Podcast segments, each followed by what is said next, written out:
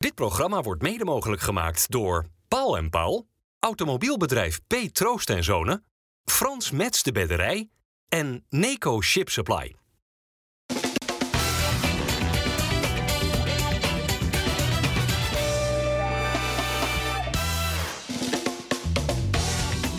Goedendag dames en heren, hartelijk welkom bij FC Rijnmond met op deze maandag te gast. Terug op het oude nest, Sinclair Bisschop. Leuk dat je er weer eens bent, eh, Sinclair. Dennis Kranenburg is er en eh, Robert Maaskant. Mis je ons? Ja, hoe vaak jullie denken? Nee, absoluut. Als je 26 jaar voor, uh, voor Rijnmond werkt, dan, uh, dan denk je er nog vaak aan terug. Mis je bepaalde dingen, maar ik ben ook zeker blij met de stap die ik gemaakt heb naar ESPN, waar ik uh, ook hele leuke dingen doe. En ik kom heel veel collega's nog vaak tegen. Ik doe Ja. ook veel wedstrijden van ploeg in de regio. Dus Dennis zie ik nog vaak. En gisteravond en gistermiddag Ja. heb ik de man op de hoek nog gezien. Was dat niet in Deventer? En Robert, heb jij eh, Sinclair daar niet eh, de stuipen op het lijf gejaagd? Oh, ja, ja. Nou, we hadden een, een, een eh, Go Ahead heeft, heet ook Eagles en er was een klein vogeltje. Nou, En ik zeg, nou kom, eh, kom even op mijn arm staan. Kijk, Maar Sinclair was wat minder enthousiast, geloof ik. je loopt bijna het stadion uit, eh, Sinclair. Ja, maar als je 10 seconden voordat we live gaan, hij ineens zegt: Kom, we gaan eh, die eh adelaar, wat is het, een hertog, die gaan we tussen ons inzetten. Dan zeg ik: Nee, dat gaan we niet doen. En ja, dan eh, weet je hoe, Ja, Maaskant, ja. hoe Maaskant is, dan komt toch die vogel ineens ernaast. Ja, en- wel een dierenliefhebber bent. Nou, inderdaad. Dieren en Sinclair gaan niet altijd goed samen. Eén, omdat ik voor sommige eh, dieren allergisch ben. Maar zo'n eh, ja, zo'n adelaar die alle kanten op kan vliegen. Ja. Ik ben ooit een keer bij een wedstrijd geweest. En toen was volgens mij ook bij Go Ahead. En toen landde die vogel echt vlak naast ons op de perstribune. Toen dacht ik al van eh, nee. Ja, het was overigens niet deze vogel die dat oog eruit gepikt heeft. Hè. Dat was die bij Vitesse. Ja. Jij noemde hem ook nog verkeerd. Toen zei de hertog, maar dit was Harley. Ja, en die heeft inderdaad bij eh, zijn bewaker heeft hij ooit de, Ja. het oog eruit Robert, gepikt. kan in eh, de eerste week van eh, december het kampioenschappers zijn? Nee. Maar het- ik bedoel, het is een end op weg.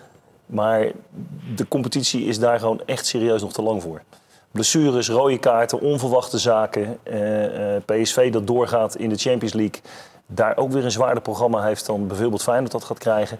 Dus nee, ik, ik denk het niet. Maar het is wel een hele, hele serieuze tik geweest. Ja, en de vraag is, gaat PSV zo'n enorme terugval dan krijgen straks na de winterstop? Nou, ja, ik denk dat PSV gaat misschien ook nog wel punten verspelen. Maar dat geldt natuurlijk hetzelfde ook voor Feyenoord. Feyenoord gaat niet nu 20 wedstrijden op rij winnen. Want dan word je aan het einde met 92 punten alsnog kampioen. Dat gaat niet gebeuren. Nee. Dus, eh, En het doelsaldo hè, is geloof ik 16 doelpunten Ja, op dit moment al voor, voor, voor PSV. Dat is ook nog een punt in het voordeel van Ja. eh, PSV. Ja, en PSV heeft natuurlijk ook al bewezen met en de Kruisschouw en deze wedstrijd dat zij een stuk verder zijn. Winnen wedstrijden makkelijker. Dus eh, ja, inderdaad, er kan van alles gebeuren. Hoe komt PSV uit de winterstop? Je hebt nog AZ PSV, maar normaal gesproken is de titel toch wel eh, Ja. gespeeld. Dennis, jij was in het stadion eh, gisteren toen eh, die 2-1 viel van Jiménez. Toen voelde je aan alles, in ieder geval als televisie kijken, de Kuip gaat erachter staan. Ja. Ehm, voelde je in het stadion, het zou nog kunnen gebeuren? ja, dat gevoel hadden wij ook echt. Hè. Het was ongeveer nog een minuut of eh, tien te gaan op dat moment aan de officiële speeltijd. En wij dachten echt bij elkaar van, het gaat nog gebeuren. Het wordt gewoon in ieder geval weer minimaal 2-2. Enorme kans Wiever nog Ja, natuurlijk. ja, en als je zulke kansen krijgt, ja, dan moet hij in ieder geval op doel. En niet van vijf meter overschieten. Had jij het geloof nog, Robert, toen? Ja, dat kan altijd, op het moment dat 2-1 wordt, kan het altijd nog gebeuren. Eh, maar we vergeten natuurlijk vanuit de Rotterdamse kant... vergeten we ook wel heel snel de kansen die PSV ook nog gehad heeft. Eh, in het uitspelen van counters en de kansen die ze gekregen hebben. Eh, ja, dat kon. Ik vond wel dat Feyenoord toen ook wel echt dreigend was. Op een gegeven moment. Waar ze aan het begin van de wedstrijd dramatisch waren met, met vrije trappen en cornerballen. Echt, echt heel slecht. Die vielen later wel wat beter. Ja, dan hebben ze gewoon de kans om nog een goal te maken. Ja. Kun je nu toch eens, eh, nu we eh, een etmaal verder zijn, eh, proberen op tafel te leggen wat was nou, of wat is het voornaamste verschil tussen Feyenoord en PSV? Nou, ik vind Feyenoord... nee, laat ik bij PSV beginnen. Ik vind PSV echt, echt heel compleet. En, en gisteren waar Peter Bos gewoon durft om een middenvelder centraal achterin te zetten... om, om voetballend er beter uit te komen... Jerdy Schouten? vind ik een uitstekende zet geweest. En eh, we vergeten voor het gemak ook weer eventjes dat twee de absolute belangrijke spelmakers, doelpuntenmakers, assistgevers, eh, Noah Lang en Lozano er niet bij waren bij PSV. Dat is gewoon een slok op een bol. En toch is het geheel zit dan zo fantastisch in elkaar dat ze iedere keer weer kansen creëren. De eerste goal, geweldige goal. Weet je, dan kan je zeggen, ja, Feyenoord doet een aantal dingen verkeerd. Dat was ook zo. Maar de, de loopactie, de paas die op dat moment kwam achter die laatste lijn, gewoon geweldig gedaan. Waar ik bij Feyenoord ja, toch gewoon wel wat kwaliteit mis op sommige momenten. Waarin? Nou ja, als ik, als ik, gisteren, ik vond gisteren vond ik het voornamelijk liggen in, in de hele trage opbouw die er was. Heel voorzichtigjes. Dat kwam ook door PSV, hè, die trage opbouw. Want zij willen bij Feyenoord dat het vanuit de centrale eh, verdedigers de middenvelders inspelen. Uiteindelijk hebben ze bij PSV ook goed naar Lazio Roma gekeken. Want die mannen En voorin... Twente. En En Twente, Twente ook inderdaad. Ja, die schermden heel die lijn af, waardoor ze Rookie eigenlijk in een soort niemandsland liep. Nee, maar dan nog steeds vond ik dat er best wel veel mogelijkheden lagen om wel in te spelen. En dat is dan een kwestie van vertrouwen en lef hebben om die bal wel ertussendoor te spelen. Dat kon ook. En ik kan ook vaak via een derde man. Hè. Speel, speel of Timber in of speel iemand eh Stenks die, die dan iets meer aan de zijkant komt. Speel hem in, laat hem vallen. Dan heb je Siruki ook vrij. En daar werd gewoon veel te weinig naar gezocht. En ik vond dat daar wel echt een verschil is. Plus de zijkanten. De Bij Feyenoord, bij Feyenoord is dat toch, eh, je ziet dat ook wel aan de wisselingen die Slot doet. Er wordt veel gewisseld aan die zijkanten. Eh, er is eigenlijk niet, niet één, als je iedereen een elftal laat maken bij Feyenoord... en je zegt wie moet er op de linkerkant, wie moet er op de rechterkant spelen... allemaal verschillende krijg je opties. allemaal verschillende opties. En Ja. dat is niet goed. En dat is denk ik het punt wat goed aan wordt gesneden. Hè? Dat, eh, en met name de vleugels, hoe Feyenoord wil spelen... dan zijn ze zo afhankelijk van dat de vleugels in vorm moeten zijn. Nou, vorig jaar was dat niet het geval, maar was het wel zo... dat de invallers het dan vaak wel het verschil maakten. Eh, en ja, dit jaar staan er ook weer geen vaste buitenspelers. En nou, Ivanovic heeft het nog niet, of heeft het niet. Nee. Eh, Na die blessure komt, hij, niet, eh, hij komt er niet in bij hem. Het is, eh, ja, en Slot zei het vorige week ook wel, hè, dat hij was in het begin haakte hij heel snel aan. Dat hij gelijk al het niveau kon aantikken. Maar ja, toen kwam die blessure. Ja, nu, eh, Maar hoe groot is het er vertrouwen dat hij het wel weer gaat brengen? Want als hij met Kroatië speelt, dan, dan Ja, speelt hij soms waanzinnig. laten we absoluut geen slechte speler gaan noemen. Of, Nee. of iemand die het niet gaat redden. Want het is gewoon echt een geweldige speler. en we hebben Timber ook gehad. Hè? Die heeft vorig seizoen natuurlijk ook even nodig gehad bij Feyenoord om, om er doorheen te komen. En die is, vind ik nu ook heel goed spelen. Maar als je het moet analyseren, want Feyenoord is natuurlijk echt wel geweldig aan de competitie begonnen in de zin van hè, Champions League indruk gemaakt. Maar als je echt kijkt naar de basis, dan zie je elke keer in de basis 11 van Feyenoord maar één of twee eh, nieuwe spelers ten opzichte van vorig jaar. Eigenlijk het geraamte negen man is van vorig jaar. En dat had natuurlijk niet moeten gebeuren. Het is vaak Stenks en dan of Minte of een Zerouki die er nieuw in komen. Maar Feyenoord heeft veel geld uitgegeven met Zerouki, met Ivanovic eh, en andere spelers die dus allemaal niet erin komen. Geen vaste basisplaats heeft hebben. veel Ueda heeft heel veel geld gekost. Record de aankoop. Linger. Spelers die allemaal de, ja, er wel hadden moeten staan. En dan had Feyenoord verder gekomen. Als je Maar hiermee zeg je eigenlijk dat je het aankoopbeleid van Feyenoord afgelopen zomer niet geslaagd vindt, of Eh, niet? Ik denk dat het spelers zijn die Feyenoord beter maken. Maar op dit moment, en dat is wel belangrijk... Feyenoord ging ook de Champions League in... kunnen we wel de conclusie trekken dat inderdaad Feyenoord het nog voornamelijk moet hebben... van de spelers die vorig jaar zijn. En die hebben zich doorontwikkeld. Vandaar dat Feyenoord wel makkelijker voetbalt. Maar als we ook naar het puntenaantal kijken... komt Feyenoord waarschijnlijk op hetzelfde puntenaantal als vorig jaar. Alleen is er een ploeg die dit jaar beter is. Ja. Eh, over die Champions League gesproken, daar ligt het uit. En in diezelfde week is de titelprolongatie ook eh, voor nu even voorbij. Wat gaat dat met die ploeg doen? Twee van dit soort tikken op rij. Ja, dit is natuurlijk wel een flinke tik. Feyenoord mag dan wel verder in Europa, eh, in de tussenronde van de Europa League. Maar dat je nu al zo ver achter staat op, eh, op, eh, op PSV. Ik ben ook wel heel benieuwd hoe je zo'n ploeg blijft motiveren om dan voor plek 2 te moeten blijven spelen.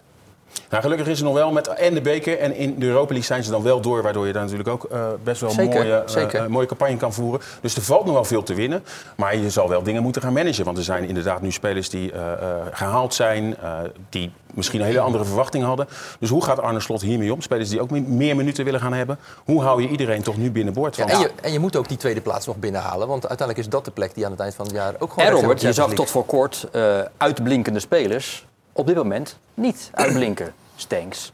Warschau wordt zelfs gepasseerd gisteren tegen PSV. Ja, zeker. En, en Stenks heeft dat natuurlijk al een beetje vanuit, gewoon door de loop van zijn carrière ook wel gehad. Hè. Eh, Bijna nooit een, een, een heel stabiel seizoen gespeeld, bij welke club dan ook. Eh, dus dat je daar een klein dipje in kan verwachten. eh, met creatieve spelers heb je dat vaak overigens. Eh, dus dat zal hij, eh, hij ook meemaken. Ja. Kijk, eh, wat je nu natuurlijk krijgt waar... de Europa League wordt nu natuurlijk het, het grote toernooi voor Feyenoord in één keer. Hè? Want nu die Champions League wordt Niks nergens, mis mee, toch? er wordt nergens meer naar gekeken. Ik denk ook dat het het niveau van Feyenoord is. Ja. Maar als je je focust op Champions League... waar die spelers 100% heel erg mee bezig zijn geweest. Iedereen roept altijd, ja, maar kijk het wedstrijd per wedstrijd. Onzin. Die- Die zijn volledig op die Champions League. Want dat is het podium waar je wil schijnen.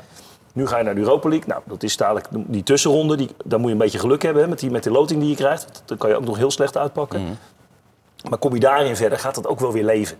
Dus dat komt wel weer goed. En ik, ik denk niet, als ik gisteren... We waren toevallig bij Eagles en Twente gisteren. Twente leeft het totaal niet dat die eventueel tweede kunnen worden. Dat is helemaal niet aan de orde. Eh, en bij AZ nou, is nu inmiddels wel bewezen dat hij het altijd laten liggen op het moment dat het kan. Ja. Eh, en dat is ook geen toeval meer. Even Dus ik denk dat Feyenoord wel tweede gaat worden. Ja. Terug even naar die spelers waarvan ik zei, die tot voor kort uitblinken, maar dat op dit moment even niet doen. Ehm, hoe kijken jullie naar Geertruida? Nou, misschien is Geertruida een voorbeeld van een speler die de laatste jaren enorme stappen heeft gemaakt. Maar misschien eh, is hij nu wel een beetje op het plafond terecht, aan zijn plafond terechtgekomen. Dat hij nu een ja, wat mindere ontwikkeling verder doormaakt. Misschien is dit het wel. Misschien is hij ook toe aan een nieuwe omgeving, een nieuwe club. Dat hij daar weer andere stappen kan gaan maken. En ja, je hebt het ook bij Oranje gezien. Hij gaat nu dingen doen dat het misschien iets te veel is. Bij Oranje werd hij natuurlijk Nou, gewisseld na een half uur. Wat ik, wat ik deel wel Of na een- Sinclair. in de helft Griekenland. Ik denk, ik denk dat Feyenoord überhaupt, waar de lat hier heeft gelegen, ligt hij nu hier. En daar worden ze ook op beoordeeld. Dat is net als bij Ajax, die worden op een andere manier beoordeeld. PSV gaat nu op een andere manier beoordeeld worden. Nee, maar dat- die nieuwe lat, daar kon Geertruiden tot voor kort toch makkelijk bij aantikken. Ja, maar ik maak me om hem niet zo zorgen. Ik denk dat maar wat hij, doet hij dan bij die goal? Ja, weet je, dat is, da- daar permitteert hij zich iets te veel frivoliteit om uit een moeilijke situatie te komen. Ik vind dat als coach, zou ik, natuurlijk moet hij het anders doen. Maar ik heb daar geen moeite mee dat hij een voetballende oplossing kiest. En er zijn nog zoveel mensen achter de bal. Dat, dat vind ik ook. Ik hij vind- staat wel vol onder de druk. Ja, ja maar, en dat is de, de kwaliteit van PSV. Die, wilde, die hadden ze precies waar ze wilden hebben. Feyenoord wilde het overigens zelf op dezelfde manier doen met druk zetten. Je wil op een gegeven moment wil je ze in een kleinere ruimte hebben dat alles meegesloten is. Dat deden ze nu. Ja, en dan heeft Feyenoord de hele wedstrijd eigenlijk, behalve dan de slotfase, te vaak de oplossing achteruit gekozen in plaats van vooruit. Om het een tegenstander lastig te maken. En Geertruida deed hetzelfde. Ja, dat hij dan toevallig dan zo'n zo'n zo'n Ja, zo'n maar dat mag trucendoos je nooit op die opengooit. positie- dat mag je nooit op die nou positie, eh, Ja, maken maar het zo. is aan de zijkant van het veld. Het is drie meter vanaf de zijlijn. Op, op eh, wat is het, een meter of tien vanaf de middenlijn volgens mij. Ja, als je daar balverlies leidt, dat kan een keer gebeuren. Dat hoeft niet een tegendoel Maar je, te je weet toch wel op het moment dat je daar balverlies leidt dat het helemaal open ligt. En dat er een hele grote kans tegen gaat komen. Daar moet hij weten, met de ervaring die hij heeft, hij speelt in Nederland zelf, dat hij op die positie niet die keuze had mogen maken. Nee, nogmaals, het valt, ik praat het ook niet goed. Maar ik heb er als coach heb ik er minder moeite mee dat hij het probeert om eruit te komen. Komt hij er wel uit, ligt de hele andere kant ligt open. En zegt iedereen wat een waanzinnige actie. En ze spelen nu één tegen één over de linkerkant. En nu raakt hij hem kwijt en hebben we nog heel veel... Dat, dat vond ik ook wel een beetje. hè. Ik dacht dat het Seruki was of Timber. Die de paas naar Sabari dicht kon lopen. Daar is het verschil tussen, is dit een kampioenswedstrijd met alles en niks waar het goed moet gaan? Dan zet je net dat sprintje wat feller aan. En nu was het nou een beetje vanuit die positie er naartoe lopen, waardoor die paas heel makkelijk gegeven kon worden. Ja, dat vind ik wel venijn en scherpte. Dan Ja. praat je echt over details. Tegelijkertijd is het ook nog af en toe wel goed genieten ook, hè, van Geertruida. Want in die rol nu als rechtsback mag hij veel meer opkomen. Hij heeft eigenlijk nog twee grote, kansen, kansen. in die wedstrijd. Ja, zeker. eh, die er dan eh, eh, voor Feyenoord helaas niet eh, indringen. Eh, trainer Arne Slot, nog eventjes over die beide tegengoals eh gisteren tegen PSV. de eerste situatie waarin we de bal eh, te eenvoudig verspelen, komen we uiteindelijk nog met voldoende mensen achter de bal om het eh, misschien op te lossen. Maar dan is het een uitstekende loopactie vanuit onze kant. Had je dat graag beter verdedigd zien worden. Eh, dat je de loopactie ook beantwoordt. En dan komen ze bij een ja, 2-0 standaard situatie. Afgelopen dinsdag waren het er twee. Dus als ik cynisch moet zijn, dan zou ik zeggen... dan zijn we toch in ieder geval met eentje verbeterd. Maar grote wedstrijden met een negatieve balans in standaard situaties... zijn heel erg moeilijk te winnen. Nu duurt het eh, seizoen nog eh, 20 wedstrijden. Maar is de harde realiteit wel je zo kort na de landstitel je nu op plek 2 moet gaan richten? Ja, dat heeft trouwens niks met je tussenzin te maken, maar dat heeft wel te maken met, eh, dat is wel de realiteit van dit moment, dat wij, op dit heb ik ook in de kleedkamer uit gezegd, maar had ik niet hoeven zeggen, want ieder weldenkend mens eh, kan dat bedenken. Dat je nu misschien wel een ploeg boven je komt nog, hè, met, met AZ, na, na dit weekend. Dus dat je veel meer de strijd om eh, plek 2 voor ons nu is weggelegd, dan dat we hoeven te kijken naar plek 1. Maar je zegt ook in je, in je begin dat het nog heel lang duurt. Maar als PSV in staat is om uit eh, ook bij Feyenoord te winnen, dat ze ook al uit bij Twente wonnen. En zal 14 wedstrijden op ongeslagen zijn, dan eh, is enige realiteitszin ook wel aan de orde.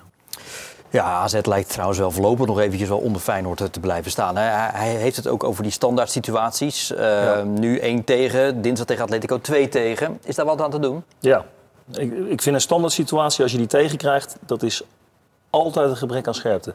In dit geval was het volgens mij Hansko die er eh, niet helemaal scherp naartoe ging. Hij liep weg bij En, eh, Timber. Degene die hem binnenkopte, Boskakli liep weg bij Timber. En op dat moment dat Boskakli naar voren loopt, weet Til dat hij gaat lopen. En die stapt net naar voren, waardoor die Timber er niet bij kan. Die blokt hem. En dat scheelt Ja. net 1, 2 seconden, waardoor hij die bal kan Nou ja, standaard, je, hebt een aantal mensen in de zone spelen die, die in moeten grijpen. Het heeft altijd met scherpte te maken op het moment dat je een directe goal aan een corner tegenkrijgt.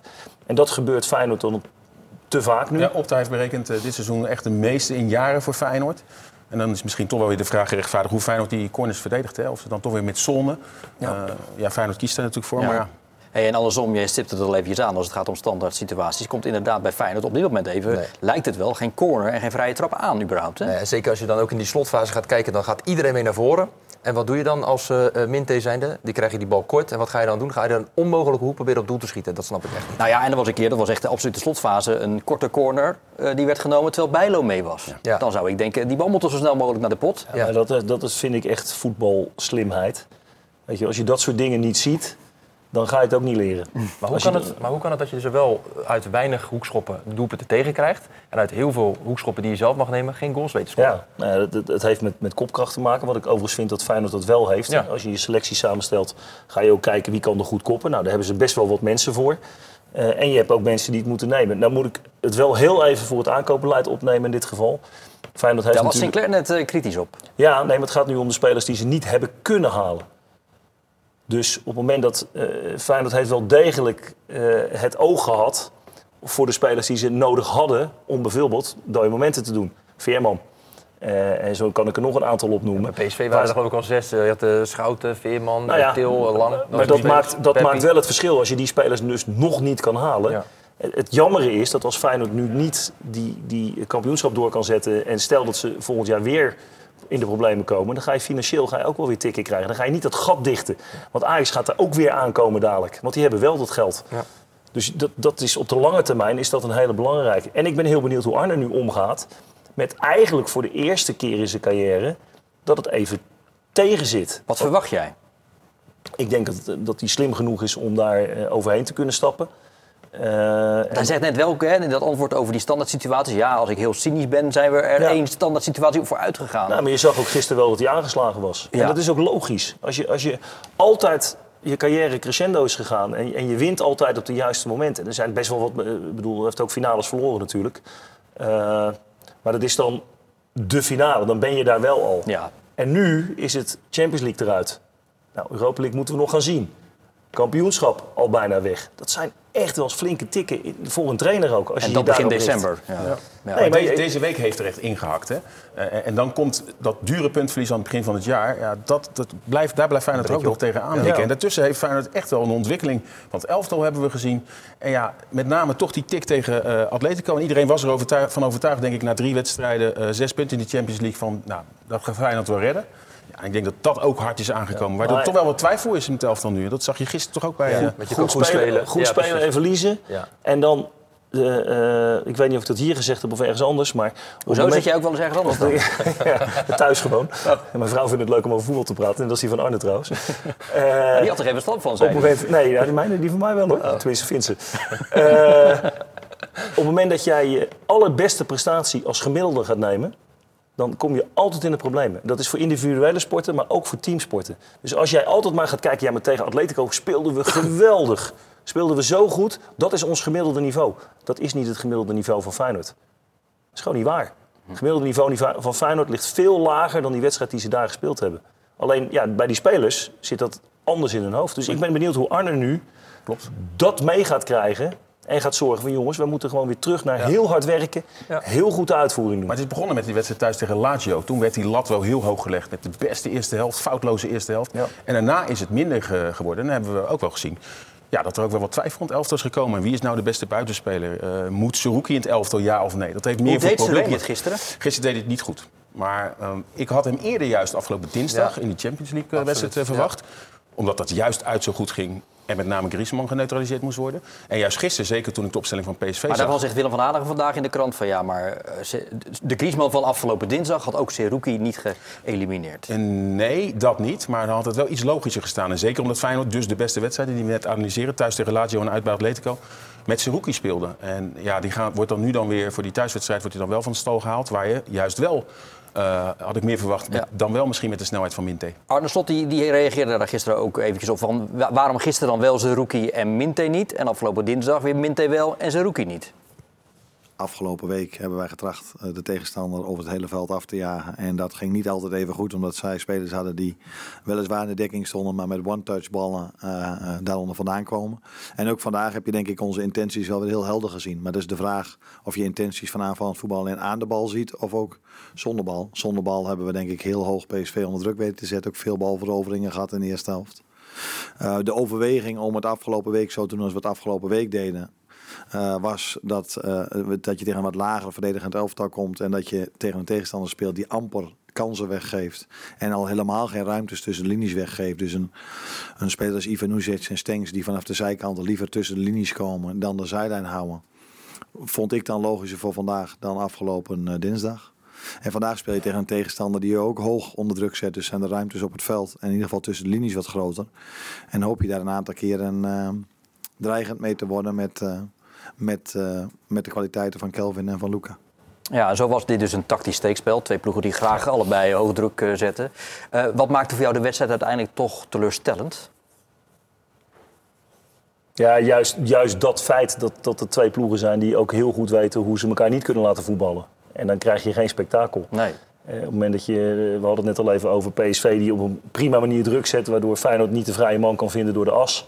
Ja, dan valt er een hoop bij Feyenoord weg. En Feyenoord deed dat idem dito bij PSV. Ja, ja. ja, dan krijg je een wat minder spectaculaire Maar het werd wel verhit. Het was een verhitte topper. Nou, ik vond eigenlijk de overtreding van Hartman, en dat heeft mij verbaasd, dat iedereen daar zo lakker niet mee omging. Tegen, ik, tegenover These, waardoor ja, These ook was, uh, moest was al uh, helemaal aan het begin. Als ik keek naar het, het, hoe hij inloopt en naar mijn mening eigenlijk bijna de bal niet kan spelen. Ik vond dat daar heel tam op gereageerd werd. Hij neemt een gigantisch risico naar iemand die niet kijkt. Loopt hem vol in zijn rug. Ik, ik dacht dat het een gele kaart was. Een ja. Aan het begin van, uh, ik denk het een fantastische speler hoor. Maar ja. ik, ik vond dat hij hier echt een enorm risico nam. Ja. ja. Uh, maar uiteindelijk is hij zelf halverwege gewisseld, uh, Hartman. Ja, hij dat kon... hielp niet hè, trouwens, als dat soort spelers eruit gaan. Nou ja, hij was gewoon ook delen van die hele eerste helft vergeten. Ja, dat ja. Dat, dat is natuurlijk en gewoon dan ook kun je een risico. afvragen van, is hij niet een iets te groot risico genomen? Ja. Met Hartman dus ook. Hè? Maar dat weet je Deze dat is later, wel gewisseld. Dat weet je later natuurlijk pas. Nou, Want hij gaf later aan dat hij delen van die wedstrijd niet meer kon herinneren. Dat weet je natuurlijk niet op het moment dat hij in Amerika is het zo, op het moment dat je zo'n hoofdletsel hebt en je ligt... Kijk, ze, er stond net een foto achter je op, eh, Bart. Die, die- dat ze er even echt helemaal af liggen. Dus dat je even echt niet meer weet waar je bent. Ja. Dan is het protocol gewoon wisselen. Bij PSV is die uh, conclusie dus wel getrokken. Hè, met deze, die ze dus wel Ja. uh, bijvoorbeeld hebben gewisseld. En het is Maar ook, die kon een, ook bijna niet meer op zijn benen staan. het is ook een witte wissel. Hè, dus je, het zorgt Ja. ervoor dat je Nee, maar je wordt er extra niet, mag kijk, wisselen. Dus zowel zou voor dat ook doen, het risico. Zowel Ja, voor PSV, zeker. en dit streepte zich nu weg één op één natuurlijk, omdat ze allebei gewisseld moesten worden. Eh, maar Lopez of Hartman is wel echt een wereld van verschil qua kwaliteit. Maar dat zie je ook in zijn statistieken hè, ten opzichte van vorig seizoen bij Hartman alleen al. Die zijn echt op alle fronten hoger. Hè. Meer onderscheppingen, meer eh, expected assists die Ja. Maar dat op mag niet meewegen op het moment dat de gezondheid echt in het Nee, gezin natuurlijk komt. niet. Nee, En die gaat altijd moet voor. denk ik wel eh, bij Feyenoord, binnen Feyenoord ook gevoerd worden. Ja. Gezondheid gaat altijd voor. Ja, eh, nou, u weet, ja, of althans Hartman eh, niet uh, ongeschonden uit de strijd. Ueda niet, hè. Ja. Eh, Minte die kan de trap niet meer oplopen. Nee.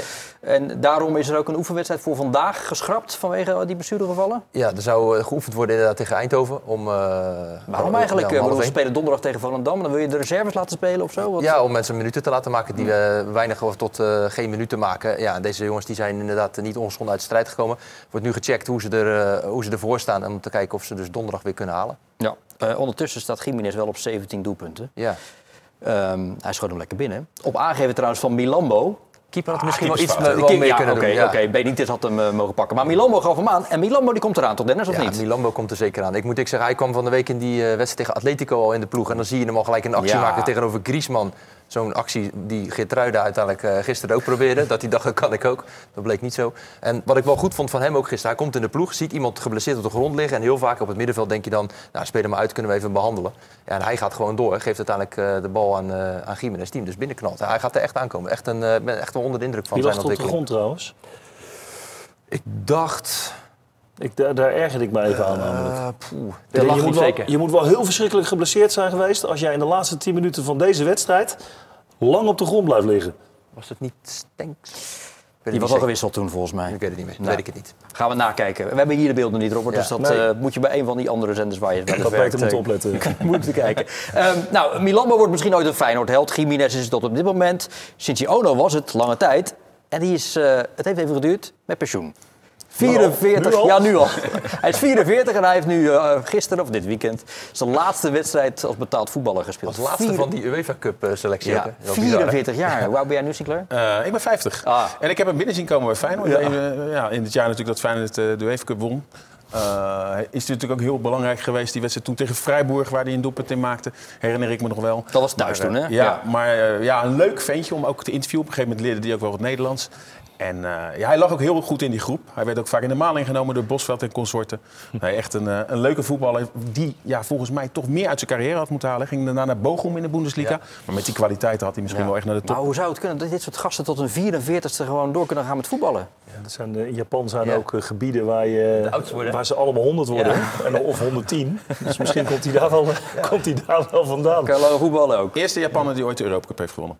Kijk aan. Pakken ze hem niet meer af. Dat, zo is het.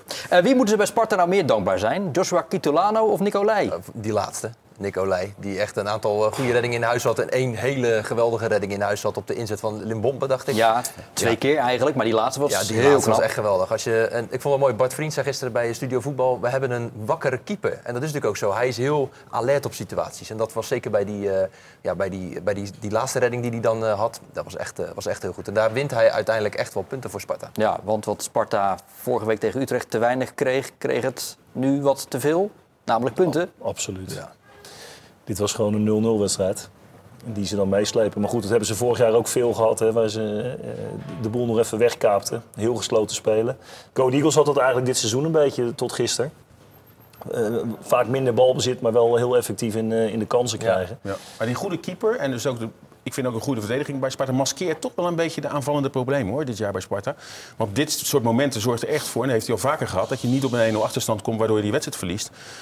En ja, ook deze wedstrijd had wel weer verloren kunnen gaan. En dan kom je toch langzaam maar zeker in dat moeras. Hè? Dus, Ja, eh, ja want Lauritsen heeft zijn laatste velddoelpunt gemaakt eind augustus. En Kitolano, de matchwinner, Middenvelden. is nu de clubtopscorer met vier doelpunten. Ja, dat zegt Nou, ik, ik, vind dat, ik vind dat ook wel zorgelijk. Dat ben ik met je eens. Dat, dat, dat, eh, en misschien niet dit seizoen, hè, want er zijn veel meer ploegen die, die moeilijk draaien.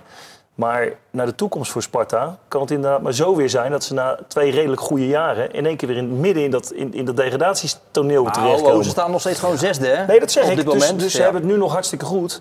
Maar ik heb het nu meer over de komende seizoenen. Dan moet je wel wat anders gaan doen. Vriend eh, blijft ook geen 20. Hoewel, ik heb net gehoord dat je tot je 44ste kan spelen. dus hij kan nog makkelijk mee. En hij draait ook makkelijk mee, laat het ook goed duidelijk zijn. Maar dat Sparta kan wel zo'n ploeg zijn waar dat gebeurt. Kijk naar Vitesse nu. We hadden we er ook niet van gezegd eh, dat gaat gebeuren.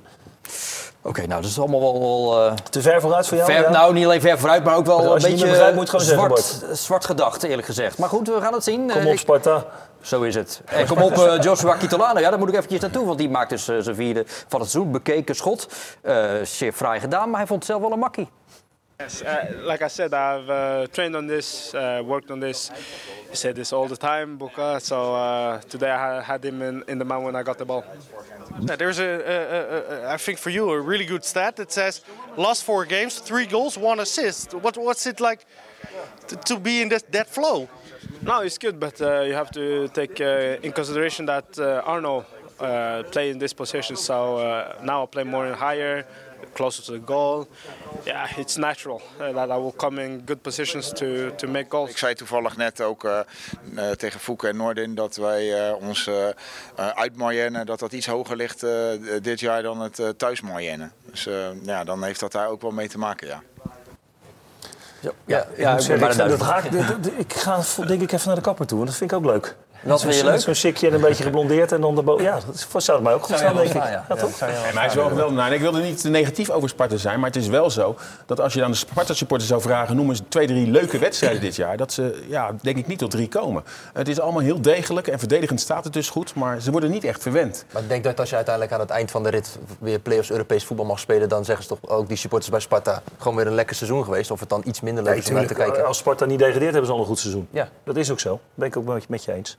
Maar, Maar je mag wel een beetje vooruitkijken, om, toch? om, om te Ja. zien. En daaraan zie je wel een speler dat, ja, die kan volgens mij wel een stap gaan maken. Nou ja, het bijzondere met die Kitolano volgens mij is dat hij gewoon op iedere positie op het middenveld uit de voeten kan. Want nu staat hij als diepgaande eh, man bij afwezigheid van Verschuren. Doet hij ook prima. Ja. Nou, hij gooide zich ook nog een keer voor zo'n bal. hè. Nou, dat was oh ja, misschien ja, wel mooier dan het doelpunt zelf. was- ja, ja. Zo belangrijk, ja. Vooral mooi dat hij bij dat doelpunt niet, je hebt ook veel spelers die krijgen dan, die ze gaan blind uithalen dan op dat doel. En dat hij dan het overzicht houdt om hem inderdaad in de verre hoek te schuiven. Maar wat je zegt, die verdedigende actie was wel eh, dat je met je hoofd naar voren echt eh, alles over de streep trekken. Tweede uitoverwinning op rij. Daarvoor twee thuisnederlagen op rij. Terwijl het beeld bij Sparta toch altijd is dat ze op het kasteel vaak beter zijn. Maar ja, als je kijkt naar de cijfers dit jaar. Vier van de zes overwinningen dit seizoen allemaal buitenshuis. En in eh, het jaar 2023 is er nu negen keer buiten het eh, kasteel gewonnen. Dat is nog nooit gebeurd. Dus, nou ja. Nee, en dat, dat heeft toch ook wel te maken met het spel maken of niet hoeven te maken. Als het, dan zijn ze dus net even minder goed voetballend. Als je thuis het spel laat maken of opgedrongen wordt om het spel te maken door, door de tegenstanders. Eh, en uit kunnen ze wat compacter en wat langer wachten. Ja. Nou, dan krijg je, krijg je dit soort overwinningen Ja, in je schoot geworpen. gestolen overwinningen, denk ik dat je dat zou willen noemen. Wel, Niet zo negatief over Sparta, man. Sorry. Warmerdam had die 0-2 nog wel even mogen maken, toch? Vind je? Absoluut. Oh, Ja? ja, uit de draai zo. Ja. Ja, maar goed. Sparta staat eh, zesde. Excelsior is inmiddels de nummer 10. Eh, als je na 73 minuten nog met 2-0 achter staat op bezoek bij RKC en je speelt toch nog gelijk, moet je dan gewoon hartstikke gelukkig zijn. Ja, dat was Mariens Dijkhuis ook. Toevallig was Mariens Dijkhuis gisteren in Deventer. Want de komende te- twee tegenstanders zijn eh, de Eagles en Twente. Maar die, eh, nou, jij hebt nog een tijdje met hem zitten, zitten, zitten praten na afloop. Ja. Die zei echt dat hij blij was. Het was echt een gestolen punt. Het was de slechtste wedstrijd van Excelsior dit seizoen. Zo Als bedoelde hij dat toch ook, hè? Nou, als je dan toch nog een punt eh, mee kan nemen. Maar wat Nee. ontbrak eraan tot aan die aansluitingstreffer bij Excelsior? Nou, RKC was gewoon beter. Eh, punt. En eh, die, die hadden ook een beetje het gevoel dat de buit binnen was, eh, volgens mij. En ik, het mooie was, ik, eh, daar had ik het met Marines gisteren nog eventjes over. Eh de ESPN zoomde in op zijn gezicht na de, nadat de 2-0 viel. Dat hij echt dacht van ja, oké, nou, dan komen de wissels. En in één keer draait die wedstrijd helemaal naar zijn Ja, toe. omdat hij ook aanvallend wisselt, Ja, toch? nee, Robert? ja, dat, absoluut. En soms moet je dat geluk ook wel eens hebben. En dat is ja, voor Excelsior, weet je, is dat, eh, die doen het natuurlijk ook hartstikke goed. Ze waren ook heel slecht aan de bal, vond ik, bij Excelsior. Het ik, eh, leek of ze onderling ook niet met elkaar eh, goed communiceren op de een of andere manier. En als je dan die goal tegenkrijgt als RKC zijnde... dan zie je dat zij in een situatie zitten waar het niet mee zit. En dan zie je daar ook juist gelijk iets zo van... oh nee, het gaat toch niet Ja. weer gebeuren. En bij Excelsior gaat het juist de andere kant op. Ja, dan schiet Baas een Nou, vrije trap lekker binnen. trapje ook, hoor. Zo, daar zit hij op, hè? Julian Baas, hij traint erop. Hij traint er heel veel op. 30 ballen per week. En toch vind ik het een geweldige goal, hè? Geweldige de goal. keeper mag keeper hadden we ook hebben. moeten hebben. Ja? Ja. Maar die stond wel al goed te keeper trouwens. Allebei de keepers stonden aardig Ja. eh, te keeper. in de Als je je hand zo de ronde dat bij de bal krijgt, dan moet je hem gewoon hebben. Maar hij schoot Wel hem veel snelheid, wel veel snelheid ja. wel, maar ik ben het met je eens. Dat had het idee dat hij die bal had moeten hebben. Trainer Marines Dijkhuizen, nog eventjes over toch uiteindelijk wel een matig optreden van zijn ploeg. Het laatste team is wel aardig, dus daar gaan, we wel voorbeduren. Eh, ja, ik mis, daar- ik mis dus gewoon een stukje communicatie ook met elkaar, een stukje beleving daarin. Eh, ja, eh, ik vond het gewoon helemaal niks. Ook na rust weer, ik denk van ja, ja 2-0 komt er zo aan. Ja, dat, kwam niet. Dus het, het voelde ook helemaal niet goed en moeilijk te organiseren. Dus eh, ik ben wel heel blij met een puntje eh, na zo'n eh, hele slechte wedstrijd. Zo, kijk, dus die opluchting spat eraf. Ja, ook omdat het gat met RKC dan in stand blijft. Hè? Want als je RKC had anders op gelijke hoogte De gekomen. virtuele stand die werd al eventjes mijn Ja. achterstand. En toen, toen zouden ze op de 14 of 15 plek staan. dan gaat het ineens hard. En nu ging het, eh, nu ging het Ja, gelukkig Marine in is natuurlijk altijd gewoon heel eh, degelijk en, en vertelt gewoon hoe het is. Vind ik ook alweer mooi. Weet je wat hij ook vertelde, hoe het gewoon was? Namelijk waarom hij eh, eh, wegliep vanuit de dugout na die 2-2 van Baas. Heb je dat meegekregen? Ja, Ja? Nou, hij vertelde het soms- nog eventjes. Waarom soms- ging hij nou soms ineens eh, naar binnen? Dijkhuizen. Ik moest heel nodig wc en dat, dat had ik al even last van. Ik dacht, als hij hem nu erin schiet, dan heb ik een mooi momentje om even, als de jongens aan het juichen zijn, om even snel de druk eraf te halen. Dan kan ik de laatste kwartier nog eh, daar geen last van eh, hebben. Lukt dat nog een beetje met deze temperaturen dan? Ja, nee, dat ging prima. Het was kort bij in onze trainingskamer, dus eh, dat luchtte op. Ook, eh, net zoals de goal, die, die lucht ook op. Ja, maar dat is mooi. Maar als je dat uit bij Feyenoord hebt, heb je een probleem, hè? Ja, dan moet je Dan moet- oplopen. Dan moet je echt in de dugout gewoon. Ik kan me natuurlijk serieus reageren. Wat Sander bedoelt eigenlijk, moet je even op je hand blazen door de kou. Om Ja. ja. weer het een en ander tevoorschijn Ik snap het grapje ook, ik weet niet Ja, of Marine dat kreeg nog niet helemaal mee. Nee. Nee, nee. Nee. Wat was er aan de hand gehad eigenlijk, trainer? Dat je tijdens de wedstrijd even moest? Eh, nee, ik, nee, niet, ik kan me niet herinneren, nee. Nee. nee. Nee, oké. Nou, jammer. Ik had, denk, oh, misschien komt er wel een Mooie anekdote, anekdote. maar Dat die, was ja. een leuk verhaal geweest. Ja, nee, ik kan Nee. het wel verzinnen voor je. Nee, doe maar niet. Eh, je zag wel bij Excelsior, eh, na- door die aansluitingstreffer afhankelijk, dat dan het geloof terugkomt, dat de energie terugkomt, dat eigenlijk alles wat eraan ontbreekt, dan weer terug is. Ja, en het jammerlijke is ook bij Excelsior, dat is misschien ook bij Feyenoord, dat die buitenspelers toch wat in een mindere vorm steken. Ook Driewedge, eh, daar verwachten we veel van. Lamproe aan de andere kant. Lampo aan de andere kant. En, en, en dat is wel wel jammer, want Excelsior he- heeft er echt in een paar wedstrijden laten zien dat ze zo goed kunnen voetballen. En daarom, ehm, ja, ze willen op 18 punten in de winterstop Ja, komen. daar willen ze bij de winterbreak Ja. in. Dan hebben ze dus nog twee te gaan. Twente uit, Twente Go Go Ahead. Go Ahead thuis. Maar Go Ahead thuis en uit is een wereld van verschil, hebben we ook gezien. Dus als ze daar eh, drie punten pakken, komen ze zelfs op 19. Dus dan is de eerste helft ruimschoots. Beker En rond nog tegen een Spakenburg. Ja, ja. Ja, Dat is geen makkelijk ook trouwens, hoor. Nee? Zeg je dit nu echt gewoon eh, serieus met je armen Nee. over elkaar? Ja, Ja. Spakenburg. Jij, jij, kijkt, jij, jij zit een beetje in die Premier League te kijken, maar Spakenburg speelt gewoon goed voetbal. Ja, die hebben, ook, die hebben toch laatst ook tegen PSV nog in een half of kwartfinale finale, halve finale halve gestaan? Ja, tuurlijk. Maar mochten ze wel. op die 18 punten komen, hebben ze natuurlijk gewoon geweldig gedaan in het eerste seizoen zelf. En dan eh, denk ik dat ze in de tweede helft nauwelijks in de problemen hoeven te komen. Poeh, zo, alweer zo'n gedurfde uitspraak. Eh, Ook wel zo. Durf wel, hè? Ja, ja, dat durf je wel. Ehm, maar goed, we gaan het eh, allemaal bekijken. Eh, er is natuurlijk eh, deze midweek eigenlijk al Eredivisie voetbal. Want die midweekse Eredivisie ronde begint donderdag. Het wordt eigenlijk een beetje door het hele weekend uitgesmeerd. Met Feyenoord tegen Volendam. En nou, die wedstrijd gaan wij even natuurlijk verslaan op de radio. Dus om 9 uur is de aftrap Ja. hè, in de Kuip, donderdagavond.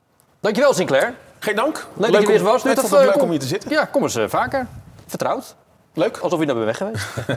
Succes bij ESPN. Dennis bedankt. Robert, tot gauw weer. Ergens nog voor de kerst. Of weet ik eigenlijk niet. Ik heb geen idee. Nou ja, pak je agenda maar. Ja. Eh, donderdag dus eh Feyenoord Volendam. En vrijdag zijn we er weer met FC Rijnmond. Dan onder andere hier Michiel Kramer te gast. Bedankt voor het kijken. En een goede week.